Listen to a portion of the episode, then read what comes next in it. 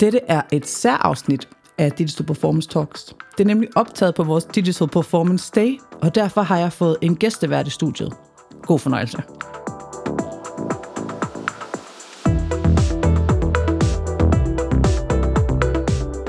Hej og velkommen til dagens afsnit af Digital Performance Talks, og velkommen til dig, Bastian Overgaard.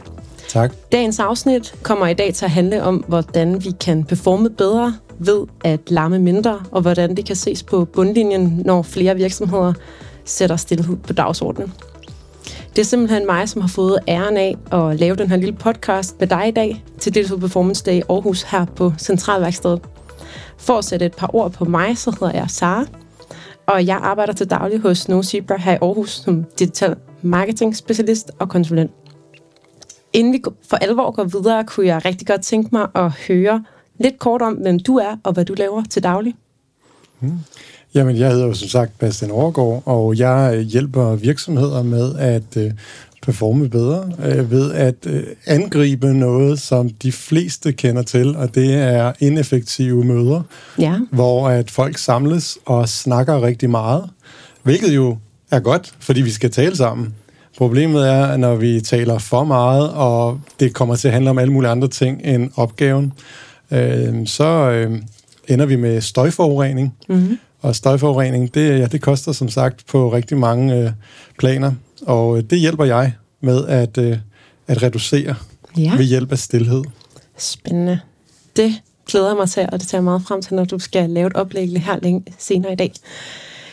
Du skal jo på scenen senere og tale om, hvordan vi opnår mere ved at snakke mindre. Og det, kan, det skal vi tale mere om i det her afsnit af Digital Performance Talks. Det kan måske virke lidt paradoxalt, at vi skal snakke om at være stille. Men det havde godt nok også været lidt tør podcast, hvis vi skulle være stille her i, i 40 minutter. Det havde ikke rigtig givet øh, Så i dag der kommer vi til at stille skarpt på nogle af de emner, dit oplæg senere kommer til at omhandle. Og man kan sige, for at lave en lille indflyvning til emnet, så kan jeg jo 100% øh, relatere til sammenhængen mellem stillhed og performance. Jeg har både siddet på et meget lille kontor, et lille kontor med meget stillhed, og et meget stort og åbent kontor med støj og musik og larm og møder hen over bordene. Så jeg har tydeligt kunne se, at outputtet har været meget forskelligt, øh, alt efter hvor jeg har arbejdet, og de her mm, dage, hvor man har haft back-to-back møder, har for alvor også givet mig den her mødelagte hjerne, som du også så præcis beskriver. Men i Speak i dag, den handler jo ikke kun om stillhed på arbejdspladsen sådan generelt, men hvordan støjfri ledelse kan ses på bundlinjen, og hvordan vi bliver mere effektiv, når vi sætter stillhed på dagsordenen. Så det er egentlig første, jeg gerne vil høre lidt mere om, det er, hvorfor er det, der er den her generelle øh, fokus på stillhed for dit sådan, arbejde? Hvorfor er det, du har gået den vej, og hvorfor er det så vigtigt? Hmm. Hmm. Det er et godt spørgsmål. Ja. Lad mig lige tænke mig om ja, i fem det har sekunder, du lov til. hvis det er okay. det er så fint.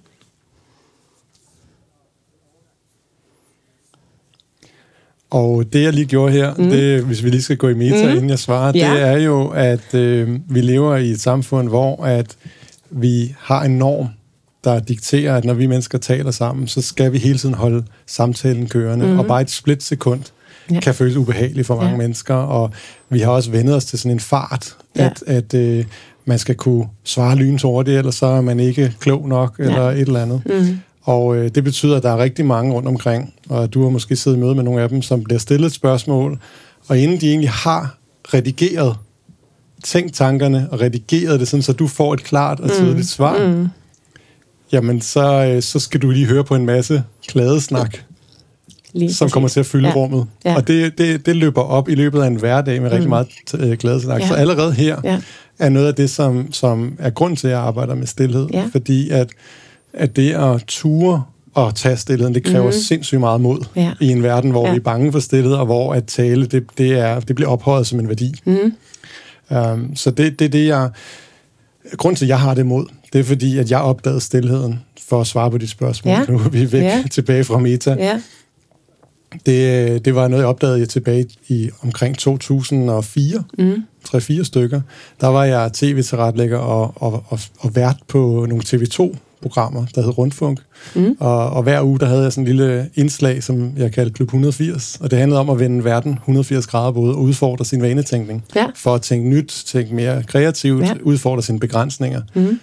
Og ud af de mange former for vanebrud, jeg jeg eksperimenterede med, så fandt jeg på et tidspunkt på at bruge stillhed mellem mennesker som et vanebrud. Mm. Fordi det er så markant. Og jeg, så jeg lavede menneskeforsøg, ja. hvor jeg satte folk sammen, to og to, folk der kendte hinanden, folk der ikke kendte hinanden, og jeg fandt ud af, at, at når vi brugte stillheden, alt efter om man brugte den rigtigt eller forkert, så kunne den faktisk skabe den vildeste fokus, koncentration, ro, men den gav også en følelse af, at, at folk de kendte hinanden. Mm-hmm. Og, og der var øh, der for snart 20 år siden, kan jeg huske, øh, i en af de eksperimenter, var der en kvinde, der sagde, efter at vi havde været stille sammen i en gruppe i ganske få minutter, sagde hun, jeg føler, jeg kan lide jer bedre, efter ja. vi har været stille sammen. Okay, ja, det er meget interessant. Det er jo interessant. Ja, det er det. Og, og allerede der, der fik jeg mit eureka moment, som er det, der ligesom, det, det driver mig i dag. Det er mm. mit fuel, der gør, at, at hele verden skal vide det her. Altså, så jeg, jeg mig ikke før, Nej. At det er en helt naturlig del af, et, af, et, af en mødekultur, af en samtalekultur, at vi kan, vi kan trække på stillheden, ligesom vi kan trække på vores ord. Ja. Ja, fordi det kan være lige så powerful at bruge stillheden på den måde. Ja, eller mere. Ja. Fordi, hvad, hvad hjælper det? Altså, en, en, nu, jeg kan godt lide at lave sådan lidt sjove øh, analogier og metaforer. Nogle gange giver de mening. Jeg håber, den her giver mening. Ja. Forestil dig, så et museum, som havde indrettet deres udstilling mm. på samme måde, som vi indretter vores møder og vores samtaler. Ja. Så vil hele væggen være fyldt med værker uden mellemrum. Ja. Ikke, ikke, ikke en millimeters mellemrum. Mm. Og det kunne sikkert se meget kreativt ud, mm. og, men det vil også støje rimelig meget. Og ja. det der, de der mesterværker, Rembrandten, vil, vil fuldstændig drukne historien. Mm. Så når du kommer ind på et rigtigt museum, så kan du se, jo større mesterværket er, jo mere mellemrum er der. Hvis du overfører det til møder, så mm. tænk på, hvor mange guldkorn, hvor mange mesterværker, der drukner i en endeløs strøm ja. af ord. Ja. Så det er mellemrummet, der fremhæver mesterværket. Det, det, den tankegang skal man også hmm. huske at bringe ind i, i sin ja. hverdag. Ja. Mega god sådan visualisering af det. Den virkede, det, den virkede godt. det synes jeg. Jeg synes, det, Kryds. det er helt perfekt. Den bruger, den bruger ja, jeg ja. i, i oplægget. Så. Ja, det synes jeg, du skal. Øhm, du taler lidt ind i det, men det her med kortere møder og mere ro, øh, det gør jo også, at vi nogle gange kommer ind til kernen, og vi kommer til at sige det, vi faktisk gerne vil sige, og ikke bare det her ufiltrerede og den her klade. Det kender man jo nogle gange, at man føler, at man hurtigt skal svare. Men hvad koster støjende møder, hvor vi snakker for meget og lytter for lidt? Både sådan, kan man sige, måske ikke så meget kroner og øre, men lige så meget, hvad koster det egentlig for virksomheder at holde ineffektive møder, og når der er for meget snak, sådan generelt. Mm. Altså, nu er jeg jo vildt streng, fordi nu, nu vælger jeg så faktisk at svare på det, du sagde, jeg ja. ikke skulle. Ja. Men, men det kunne være meget sjovt at forestille sig en, en arbejdsplads med 100 medarbejdere, mm. der hypotetisk set holdt et møde om, om dagen ja. på en time. Ja. Er det højt sat, synes du? Et en times møde om dagen? Det kommer jo igen an på, hvor effektivt det er, fordi hvis det kan det kan ligesom veje op for fem møder, så ja. er spørgsmålet jo så, hvad, hvad det giver. Jamen det, jeg mener, det er, ja. tror, tror du, at, at der er mange virksomheder, hvor man kun holder et møde om Nej, dagen? det er der ikke. Nej, vel? Så nu holder vi bare et regnestykke. vi laver lige et regnestykke. Ja. Vi forestiller os, at 100 medarbejdere mm. holder et møde ja. om dagen på en time. Ja. Hvis de medarbejdere, de får 350 kroner mm. i timen, mm. det er sådan average. Det kunne ja. sagtens være højere eller lavere, ja. alt efter ja. hvor man er. Mm. Så er det faktisk 7,8 millioner kroner ja. om året i udgift, ja. bare på det ene møde. Ja. Ja, det er helt vildt. Og det er så uden, og nu kommer jeg så til at svare på de spørgsmål, det er så uden at medregne øh, omkostninger for mm. demotiverede, mm. udbrændte medarbejdere, mm. specielt de introverte talenter, ja. Ja. som i møde efter, og jeg møder dem derude mm. i mit arbejde, mm. for jeg arbejder jo i alle store, øh, store virksomheder og organisationer, og de sidder derude, talenter, mm. der har sindssygt meget viden, mm. der aldrig kommer i spil. Nej. som slet ikke bliver udnyttet, fordi at de bare drukner i, i, i den her glade talestrøm, der mm. kører med, mm. med 9.000 år i timen. Ja. Så det er en omkostning der. Ja. Så er der alle misforståelserne, der kan opstå, fordi det går for hurtigt, og fordi vores hjerne er overhovedet ikke designet mm. til det her konstante øh, flow. Øh, det, at vi bliver stopfodret. Det er jo sådan en fogra-pistol, ja, hvor vi bliver, vi bliver stopfodret med informationer ja. Ja. fra morgen til aften. Ja. Og det er, det er ikke, det er lige så dumt, som hvis vi siger, jeg behøver ikke at sove de næste mm. 10 år. Mm. Øh, det er ligesom at sige, jeg, nu går jeg ned i Fitness World, og så træner jeg min biceps hver dag, uden pause, uden at restituere. Mm. Øh, det giver ingen mening. Vores mm. hjerne har brug for tid mm. til at processe informationer. Yeah. Og det er noget af det, som når jeg går ud i en virksomhed, og vi får skabt et system og en struktur, ja. hvor stillheden den får sin plads som en del af møderne, mm. så oplever folk, at de rent faktisk kan tage tage informationerne ind. De, ja. de drukner ikke bare, de bliver faktisk Nej. brugt til noget. Mm. De kan faktisk skabe noget, noget større innovation, ja. fordi man i de her silent moments også lige pludselig får de her, man får tiden til, ja. at tingene kan sætte sig sammen ja. på nye måder. Ja. Det går man også glip af i rigtig mange af de her møder. Ja. Og, øhm, ja, og så ja. er der stress, hvad kan man sige, fordi hvis du har møde efter møde efter møde, mm. hvor folk er fuldstændig udbrændte, jamen så vil der også være flere sygemeldinger ja. øh, og, og mere stress. Ja. Igen kan jeg se de, de kunder, jeg arbejder med, som virkelig sætter det her godt og grundigt på dagsordenen, mm. der kan de faktisk registrere, at de, de har meget mere overskud. Mm. Jeg har arbejdet med TDC, de har, mm. de har haft forsøg med, med stressmålere, ja. hvor de kan se, at bare to minutter stillhed i et møde ja. kan reducere øh, stressniveauet i virksomheden. Ja. Hvor lidt der skal se, ja. egentlig. Ja. ja. Og det taler egentlig rigtig godt ind i øh, det næste spørgsmål, det er, hvad konsekvenserne er, at vi er blevet dårligere til at være stille, lytte og høre, hvad hinanden rent faktisk siger. Og det taler jo meget godt ind i både stresselementet, du er inde på, men også øh, det her med, at vi kommer til at sige alt for meget ufiltreret. Øhm, ja. Jamen, der kan vi jo tale ind i, i også et af tidens store buzzwords, mm. psykologisk tryghed. Ja. Uh, high performance ja. teams, hvor at tryghed og tillid er altafgørende. Mm. Der kan man se for det første, at, at uh, det viser for eksempel målinger fra, fra Google, ja. Hvor man kan se, at de bedst performende teams, det er der, hvor at der er en ligeværdig fordeling af taletiden. Så allerede der kan man så spørge sig selv, hvis man sidder og lytter med på det her, alle de møder, vi går til, er der en ligeværdig fordeling af taletid? Ja. Og, øh, og det er der sjældent, mm. øh, i hvert fald hvad jeg oplever. Ja. Og, og det handler så ikke bare om, at man skal være en stram mødeleder, som siger, ja. jamen, nu er det dig, der taler, nu er det dig, der taler, nu er det dig, der taler. Ja. Ved at bringe stillheden ind, så får man også mulighed for at finde ind til den her, den her ro, den her hjernero, mm. hvor at vi virkelig kan, kan nå komme op i nogle, nogle højere gear, mm, mm. Og, øh, og at vi også ser hinanden mere. Ja. Altså, vi bliver faktisk mere nysgerrige på hinanden. Det er en, en feedback, jeg får igen og igen og igen, efter at vi var stille sammen. Mm. Der er vi blevet mere nysgerrige på hinanden. Mm. Ja. Det er meget spændende. Det er virkelig interessant, og øh, hvis jeg tager sådan et eksempel fra, fra min egen hverdag hos Snow Zebra, så gør vi jo også det her med, at vi holder sådan en månedsmøde, hvor vi faktisk også tager en helt runde, og vi har alle sammen, ja, er det en fem minutter eller sådan noget, hvor vi snakker omkring både, hvordan det går med kunder, hvordan er der noget, vi har brug for hjælp til, og så videre. Men det, at man faktisk har noget tid til at sidde og tænke over både, hvad man selv skal sige, men man når så nyt lytte meget mere til de andre. Ja. Så det fungerer rigtig godt. Ja, fedt. Du talte lidt ind i det før, det her med øh, stillheden, og om vi er bange for stillheden. Øhm, vi kender måske alle sammen den her elevator-stillhed. Den der akavede stillhed, hvor man slet ikke ved, hvad man skal gøre af sig selv, og man kan bare ikke vente med at komme ud af den her elevator. Altså, hvad er dit indtryk? Er vi blevet bange for stillheden, bange for, at der opstår noget akavet, når der egentlig bare kunne opstå magi?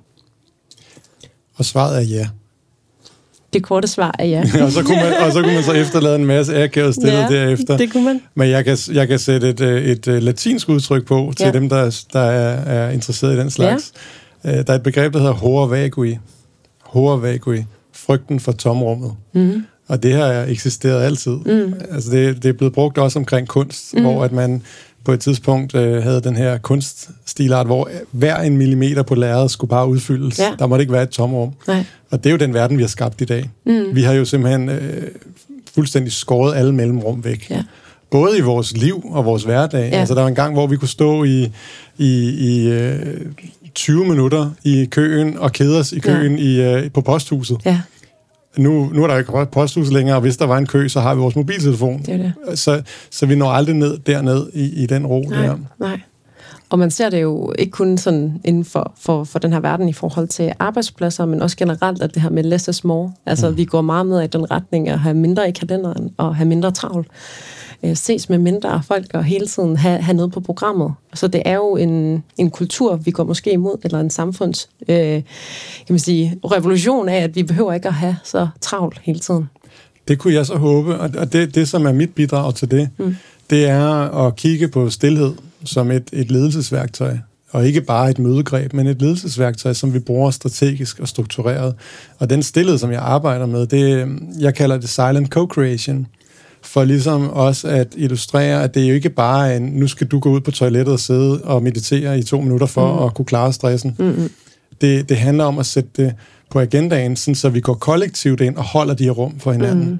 Fordi det, der sker, og det kan jeg jo se med nogle af de virksomheder, jeg arbejder med, når vi går ind og begynder at sætte stillhed ind i vores møder, mm.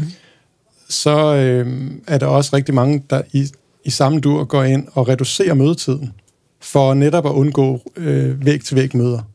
Så et møde på en time, det bliver reduceret til 50 minutter, mm. og så videre på den måde. Ja.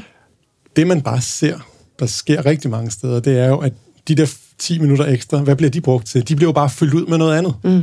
De bliver fyldt ud med, at du sidder og tjekker mm. din telefon, ja. eller du tjekker mail, eller ja. øh, du løber i et andet møde, eller der er andet møde, der, der bliver forlænget. Mm.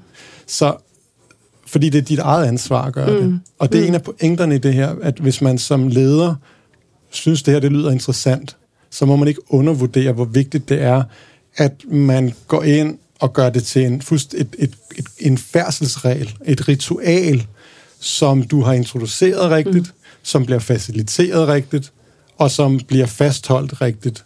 For så kan du faktisk lave, give dine medarbejdere den vildeste, øh, altså de, den vildeste gave. Ja. Det er en frønsegode, ja. fordi der er ikke nogen andre, altså folk kan ikke stoppe sig selv. Vi kan ikke stoppe os selv. Vi kan ikke selv sætte os ned, for der er hele tiden noget, vi kunne gøre. Så ved at lave det her trafiksystem, hvor der skal vi stoppe, og vi hjælper hinanden med at gøre det, så får vi faktisk den her, mm. den her gave, den her ro. Mm. Ja. Og det taler også meget godt ind i et af spørgsmål, jeg har til dig i forhold Ej, til, gode, hvor... Det passer ja, sammen. det er, det er så, så godt. Det er bare godt flow. Altså, det her med, hvor ansvaret egentlig ligger. Fordi det taler du meget godt ind i. Er det ledelsen? Er det en selv? Jeg kender dig selv, at jeg måske ikke er den bedste til hele tiden at gå ud og lige at få noget luft og tage de her mm. stille pauser, men man fylder det ud med at svare på en mail eller spare med en kollega. Hvad, hvordan ser du det? Du har også skrevet en, en bog om det her med støjfri ledelse. Så hvordan griber I det an, og hvordan griber du det an? Mm. Jeg vil, lad, lad os starte med at sige, at det er vores allesammens ansvar. Mm. Så det er også den enkelte medarbejders ja, ansvar ja. at gøre det, der er rigtigt. Mm. Og, øh, og når det så er sagt, så for at man kan lave en, en ordentlig transformation i en virksomhed, så er der jo en ledelse, der skal, der skal tro på det her, som skal committe sig til mm. det her, og som skal være med til at gå vejen selv. Og, øh, og det kan jeg se at nogle steder, det kan være svært, og det er derfor så, og det er det, mange undervurderer. Det kræver faktisk træning, det her. Fordi vi har glemt at være, at være stille, og vi ja. ved ikke, hvordan vi skal gøre det. Og, og for at det ikke skal blive akavet, så er der faktisk nogle ting, vi kan gøre. Der er nogle principper, vi kan overholde, øh, for at det ikke bliver akavet. Ja. For at det bliver en, en dynamisk stillhed, en mm. effektiv stillhed, mm. øh, og en meningsgivende stillhed. Ja. Fordi, at, ja, vi vil gerne være effektive, men, men hvis det bare bliver effektivitet for effektivitetens skyld, mm. det, det giver jo heller ikke nogen mening. Nej. Men det er helt klart, hvis ikke der er en ledelse, der, mm. der er modig nok til at, at se, se, at det her, det er det nu. Mm. Det her, stillhed er faktisk ikke mm. bare et eller andet, vi ja, kan gøre ud i vores fritid. Mm. Det kan faktisk gå ind og blive det 21. århundredes øh, vigtigste ledelsesredskab ja. i en verden, hvor at alt er ved at brænde sammen, ja. og hvor vi er ved at brænde sammen op i hovederne. Det er jo lige det præcis det. Vi har simpelthen information overload, kan man jo nærmest sige, med alt det snak. Det har vi. Ja. Jeg har været inde og, og kigge lidt på din hjemmeside i forhold til, hvad for nogle andre virksomheder, du har hjulpet. Øhm, og jeg vil egentlig gerne høre lidt mere omkring, hvad udfordringen har været her, og hvordan man kan med stillhed på Agendaen være med til at løse nogle af de udfordringer, du ser ud på arbejdspladser rundt omkring i Danmark. Hvad udfordringen kan være? Ja, hvad udfordringen kan være, og hvordan støjfri ledelse, eller generelt det her med stillhed, har været med til at hjælpe nogle af de virksomheder, du har været ude ved. Mm. Mm. Altså udfordringen ligger til at starte med øh, i, i, i, at altså rigtig mange ledere, de kommer, de, de, de øh, bliver ledere og, og får en, en, en position i en, i en virksomhed, ofte ved at tale rigtig meget. Mm. Og de ansætter så også andre, der også taler rigtig meget, mm. for det føler man sig tryg mm. ved. Så allerede der, der, der er der en skævvridning, øh, som kan, kan gøre rigtig meget galt, mm. og hvor der er rigtig meget potentiale, vi går glip af. Øh, så det vil sige, at, at det, der kan være en udfordring, er også, at hvis, hvis at den ledelse så ikke består af nogle bevidste mennesker, der mm. kan sige, okay, fair nok, jeg ved godt, jeg snakker meget. Ja. Det gør jeg jo også. Jeg kan ja. godt lide at snakke. Mm. Det må man godt. Men, men i erkendelse af, at vi snakker meget, skulle vi så arbejde struktureret mm, på en måde, sådan så vi kan bryde den her talestrøm op og få ja. noget ro ind ja. øhm, på en måde. Og det, det er der bare rigtig mange, der ikke ser. Der er mange, der ikke ser det potentiale, eller også så tør de ikke. Mm. Der kan også være nogen, der har en frygt for det. Det kan være, at man helt personligt har det her HRV-kui, at mm. man bare frygter det der tomrum så meget, mm. fordi man de sidste 10 år, 20 år i sit liv, bare har kørt med 200 km i timen mm. hver en vågen time. Ja. Så det der, den der, det der med at stoppe op, kan nærmest være angstprovokerende. Mm. Det kan også være, at man kommer til at se på nogle ting i sig selv, det er det. Øh, som der er nogen, der ikke er interesseret i. Ja. Og nu, jeg går ikke ind og arbejder dybt med personlig udvikling. Nej. Øh, jeg gør faktisk en dyd ud af at holde det her på et, på et rimelig strukturelt plan. Ja. Sådan så vi ikke behøver at gå ind og grave i navlen på os selv eller hinanden, men vi får faktisk de positive effekter ved at ændre adfærden. Og det er der silent co-creation og de principper, som, som jeg får, hjælper med at massere mm. ind i en kultur, mm. de gør en forskel. Og nogle af de mm. resultater, der er, det er, og jeg hører det igen og igen og igen, det er, efter vi begynder at bruge stillheden øh, koncentreret og struktureret, så slutter vores møder før tid. Ja.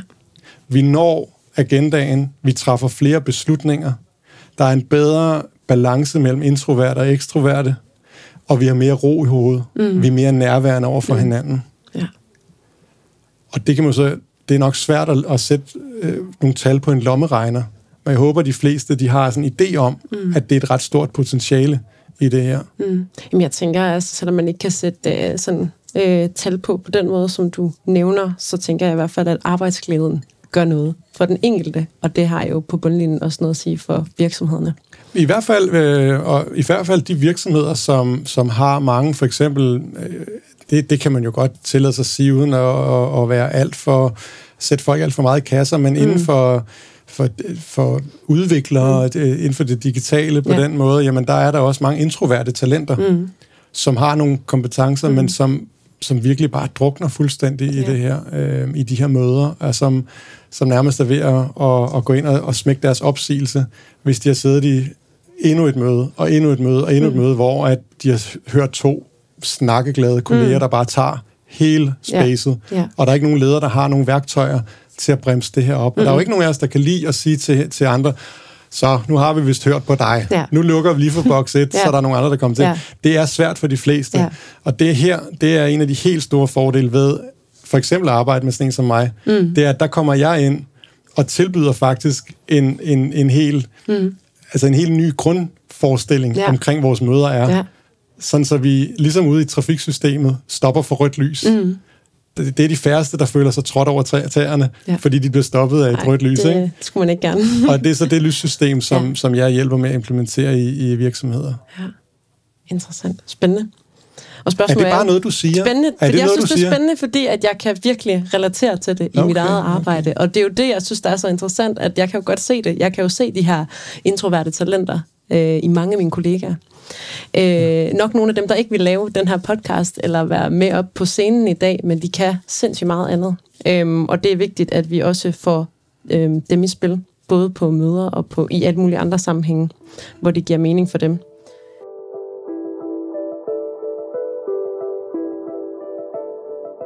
Derudover så kunne jeg jo godt tænke mig at høre lidt om dine bedste råd til at undgå ineffektive snakkemøder, og hvor ansvaret ligger, har vi snakket lidt om, men også mere sådan de her gode råd. Jeg har set, du har syv gode råd på din hjemmeside. Men hvis jeg nu skal tage sådan et eksempel med fra min dagligdag hos No Zebra, så har vi jo blandt andet haft stor fokus på at effektivisere møder ved at konkretisere mødeagendaen, og fokus for mødet, hvad man forventer af de deltagende inden mødet, og hvor man kan registrere sin tid. Det har i hvert fald afhjulpet en hel del uklarheder hos alle mødedeltagere, og ikke mindst hos mødeafholderen. Men har du et eller andet andet, man måske kunne have i større grad have fokus på? Ja, det ville så være mærkeligt, hvis jeg svarede nej her. ja. Fordi at, at, at selvfølgelig, altså det kan man jo se alle steder, der er der jo behov for en bedre mødeledelse, mm. og, at, og at, at der er alt for mange, der undervurderer, at mødeledelse er en kompetence. Mm. Selvfølgelig skal der styr på de her ting. Det, som man kan se blandt andet, det er, at Nej, nu kan jeg, jeg kan så spørge dig, om du, om du tænker, at selv i sådan en virksomhed, hvor jeg styrer på det, kunne det så ske, at der er nogen, der møder op til et møde, og så ikke er forberedt? Ja, det kan godt ske. Det kan godt ske en gang det kan imellem, godt ske. Og det er jo også igen, altså hvor mange møder man haft hele dagen, har man nået at kunne have 10 minutter til at ja. kigge på det næste. Alle de her ting, det er det, man skal prøve at finde ud af. Præcis, og ja. der, der kan jeg så føre den over på det at arbejde med silent co-creation, mm. hvor stillheden ligesom bliver, bliver drysset ud i øh, øh, tilpas mængder i løbet af mødet. Mm. Der, der oplever flere af, af de, øh, de virksomheder, jeg arbejder med, at, at der er mindre støj i de møder. på, på en af mine kurser var der en leder, der, der meget ærligt indrømmede, at de møder, hvor han er mindst forberedt, det er det, han taler mest. Fordi han skal tale rundt om det, han ikke ved. Han skal ligesom... øh, og det, det, det, og det er der rigtig mange, der oplever, at når der så er stillhed i mødet, så får folk tid til lige at forberede sig. Mm. Så det kunne for eksempel være, at man, øh, som der er flere, der også, øh, jeg anbefaler flere at gøre, det er, at man også lige tager, det kan være et minut, det kan være to minutter, det kan være 40 sekunder, alt efter hvad der passer i situationen. Sid lige og kig på agendaen sammen i stillhed. Bare det at zoome ind på det i fælles stillhed, har en kæmpe effekt i forhold til, at alle er kommet løbende fra, fra et andet møde. Mm. Øh, og, og, og, og der viser forskning jo også, at i jo noget, der vi alle sammen kan regne ud, men det er altid godt at have forskning, der kan sige det, vi godt ved, at når vi hopper fra en opgave til en anden opgave, så har vi det, man kalder attention residue. Mm. Så vi har en rest af opmærksomhed, der stadig sidder op i vores øh, processer, mm. og som støjer for at vi kan være fuldt fokuseret ja. i det nye møde. Og det er derfor, mange vil opleve, at der er rigtig meget small talk i starten af et møde. Fordi vi bruger den der small talk til lige at lande, men fordi det hele kører op i sådan et sidrende højt gear, mm. jamen så, bliver, så ender mødet med at være en small talkende karakter, mm. frem for en dybt fokuseret karakter, hvor vi går ind til kernen, som du selv var inde på ja. før, ja. går ind til kernen af det, det handler om, og ikke bare alt, hvad der bræller ud af munden på nej, os, fordi at, at, at hele hele systemet kører på os. Ja. Så der er stillhed en kæmpe forske, fordel, øh, som jo ikke indgår i det, du nævner der. Mm, mm, øh, mm. Nok så effektivt, som det lyder. Mm, ja. Så vi har måske svært ved at, at gå for det her small talk til at så komme over i den sådan, seriøse setting, fordi vi simpelthen er startet helt forkert måske. Vi har startet uden selvtid, så derfor så fortsætter vi bare i det spor. Ja, det vil sige, og nu, ja. og nu, nu kan man så sige, det er lidt hårdt sagt at sige, at I startede helt forkert, mm. fordi I jo startede helt rigtigt i forhold til, hvordan hele verden holder møder. Mm. Men lad os nu sige, at, at uh, min vision går i opfyldelse med, at vi om 10 år, så er det her fuldstændig udbredt, og, og alle, der har en, uh, en rimelig normal IQ, de ved godt, at hvis man skal holde et effektivt møde, hvor vi får det fulde udbytte ud af vores hjerner og mm. alle, der er til stede, mm. så skal vi selvfølgelig have stillhed. Ja. Når vi er nået dertil, så kan man godt sige, at det er en forkert måde mm. at starte noget mm. uden stillhed. Mm. Ja. Når det er så sagt, så er vi jo så, øhm, og, og det igen, folk elsker jo at sætte ting op i kasser og sige sort-hvid, så når vi kommer fra en verden, der støjer og snakker derudaf, ofte i forkerte retninger, mm når der så kommer en eller anden og siger, nu skal vi arbejde med stillhed, mm. så er det netop, der kommer de her sort-hvid tankegange, mm. Nå, så kan vi jo så kan vi jo ikke kommunikere, mm. så skal vi bare sidde og være stille hele mm. tiden, og, yeah. og hvad er der i vejen med small talk? Mm. Small talk, jeg har læst en undersøgelse om, at small talk faktisk er rigtig godt for, yeah. øh, for, for emotional bonding yeah. og, og kreativitet. Ja, det er fantastisk, men for meget af det gode. Det er også godt at spise broccoli, men ikke mm. hvis du spiser 10 kilo. Det er også Nej. fint nok at spise et par chips om dagen, men ja, ja. Hvis, du ikke, hvis du ikke laver andet end at chips, ja. Og det er bare, hvis du overfører broccoli chips metaforen, så er den måde, folk holder møder på nu, det er chips. Vi sidder bare og æder chips. bare æder chips hele tiden. Ja. Vi glemmer broccoli. Ja, for det gider ja. vi ikke, for det er Nej. kedeligt. Ja. Og det er derfor, jeg ser, at, at selv efter, når jeg var ude og holde sådan en forhold, ligesom jeg skal her om lidt, så ved jeg, at der vil sidde nogen og, og gå derfra og sige, wow, det giver god mening. Mm. Ej, det skal vi gøre. Og så går de hjem, og så står der en skål med chips foran den, og der står et broccoli, der skal tilberedes, og mm. hvad går man i først? Mm. Ja, det, det er nok det. tipsene, ikke? Og det, det er, talen. den nemme løsning. Det er jo også noget med vaner. Det er ja, jo det, det, du det. også taler ind i, det er at ændre adfærd, når vi har sådan stærke vaner, der gør, at vi skal bare hele tiden arbejde, vi skal hele tiden uh, snakke, vi skal hele tiden gøre de her ting, for det har vi altid gjort. Præcis. Og vi skal virkelig uh, gå dybt både ind i os selv, men også i den adfærd og de, kan man sige, skemaer eller strukturer, vi har på vores uh, arbejdsplads, for at få det ændret. Du taler lidt ind i det i forhold til det, kan man sige, fremtidens arbejdsmarked, og hvordan tror du, fremtidens arbejdsmarked ser ud? Vi ser jo allerede en kæmpe forandring på arbejdsmarkedet i form af fire dages arbejdsuge, hybridarbejde, flex, digitale nomader, der sidder fra hele verden og meget mere til. Er stillhed en del af det? Og der tænker jeg, at du nok vil sige ja, men hvad, hvordan tænker du, det er en del af hele den her, øh, den her store forandring, vi ser på arbejdsmarkedet? Jeg ser det som en naturlig del i en verden, hvor at der er rigtig meget forandring. Tingene mm. går hurtigere og mm. hurtigere. Der er rigtig mange mennesker derude, som er utrygge mm. og bekymrede. Mm. Øh, der er, hvis vi går ind i sådan, kigger sådan hjernemæssigt, så kan man sige, at, at øh, folks amygdala mm. er totalt aktiveret. Amygdalaen, det er, jo, det er jo den gamle, den primitive hjerne, som er den, vi, vi, vi ryger i, når vi, når vi går i angst, vi går i panik, øh, og, og det er der, vi handler irrationelt. Det er der, mm. vi glemmer alt det, vi har lært. Øh, mm. Alt vores, øh, vores fornuft mm. ryger der. Øh, mm. og, og, og det sjove er jo, at, at den del af hjernen, som vi egentlig burde aktivere mest mm. muligt på arbejdet, det er jo hippocampus, mm. som er den, den voksne hjerne, den nyere, men voksne hjerne, som træffer de sunde beslutninger, som, som tager gode beslutninger, som er, er bedre til at navigere med deres omverden. Hippocampus er bare ikke så glad for information overload. Mm. Den, når den lukker ned, jamen så, så bliver amygdalaen også aktiveret. Ja. Og amygdalaen bliver aktiveret, hver gang vi læser en, en dårlig overskrift i, uh, i avisen. Hver gang vi hører om et eller andet, hver gang et eller andet, vi er lidt bange for, jamen så bliver amygdalaen aktiveret. Mm. Så det vil sige, at hvis man vil, altså i fremtiden, hvor at jeg tror, at der er mange forandringer og masse ting, som mange medarbejdere rundt omkring kan bekymre sig om, jamen der vil man jo være fuldstændig dum, hvis man ikke arbejder virkelig aktivt på at sørge for, at det er amygdala-medarbejdere, og ikke, nej, omvendt, at det er hippocampus-medarbejdere, og ikke amygdala-medarbejdere, mm. man, man egentlig skal, skal arbejde med. Mm. Og der er stillhed en, et, et helt vildt effektivt mm. værktøj. Ja. Det er sjovt, fordi jeg, jeg kan ikke være med at tænke på et eksempel i forhold til at holde de her længere møder. Og når vi så er færdige med de her møder, så sidder jeg nogle gange med mine kollegaer, og så kommer de med alle guldkornene.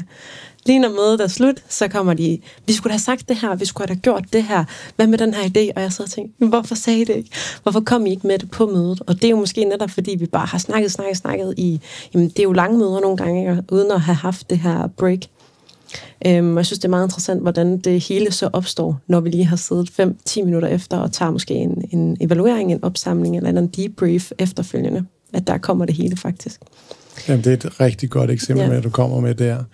I, i min bog, i Støjfri Ledelse, der jeg kalder det lidt øh, det, visdommens brusebad, mm. hvor jeg mhm. sammenligner lidt med, at, at når jeg går i bad, mm. så får jeg tit gode idéer. Mm. Jeg kommer i tanke om ting, jeg skulle have sagt. Mm. Og der er det lidt, jamen, så er det lidt besværligt at skulle ud af brugsbadet, mm. ringe til sin kollega og sige, nu mm. ved jeg, hvad det er, vi skal mm. gøre, og så skal vi lige samle et nyt møde. Mm. Ja. Det kan hurtigt tage lang tid. Ja. Hvorfor ikke skabe den her brusebadsituation, hvor mm. hjernen får det her frirum? Og det er lige præcis det, vi kan med den aktive stillhed. Mm. Fedt.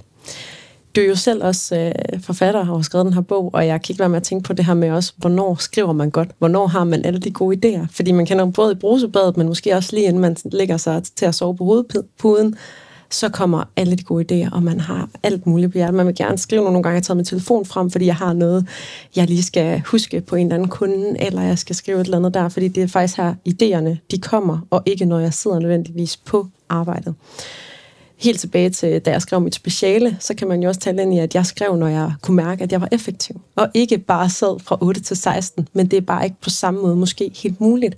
Men hvis man kunne gøre det, så kunne jeg jo skrive meget mere, hvis det var sådan en opgave, end hvis det var, at jeg, jeg havde en fast sådan, tidsramme.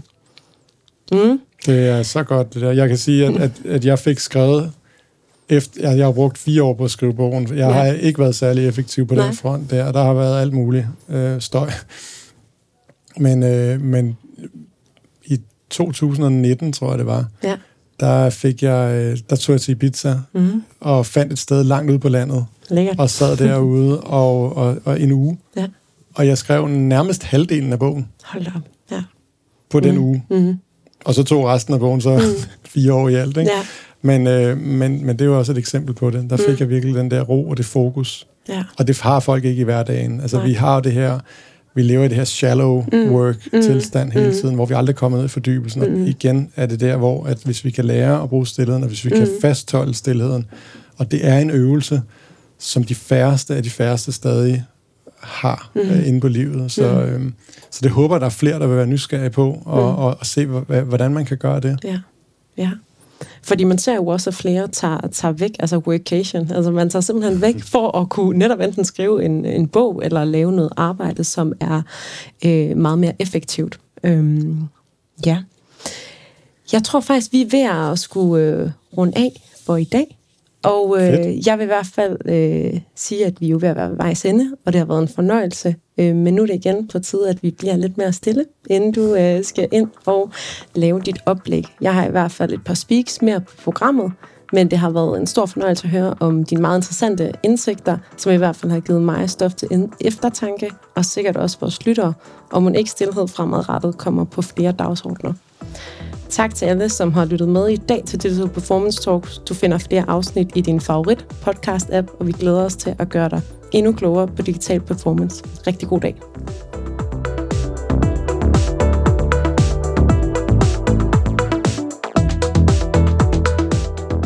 Du har lyttet til et afsnit af Digital Performance Talks. Følg med i næste afsnit, og husk at abonnere på vores podcast, der hvor du lytter.